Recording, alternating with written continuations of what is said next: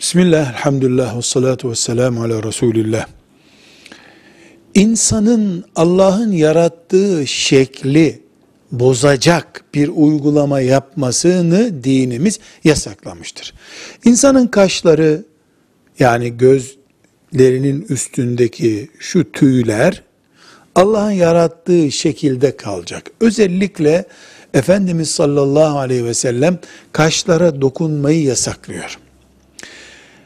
Kadınların özellikle kaş aldırma konusundaki uygulamaları dinimize aykırıdır. Şu kadar ki, mesela iki kaşın arasında boş yer kalmayacak kadar böyle saç gibi büyümüş ve aynaya baktığında ya da karşıdan görüldüğünde bir psikiyatrist bu kaşlar alınmalı senin şahsiyetini etkiliyor bunlar diyorsa mesela bu tıbbi bir özürdür. Bu bir tedavi yöntemi gerektirdiği için tedavi olarak caizdir. Ama sırf kadınlar bu zamanda kaşlarını inceltiyorlar diye ya da filanca şahsa benzeyeceğim diye kaş müdahalesi, kaşların küçültülmesi, oynanması, kısaltılması, daraltılması haramdır.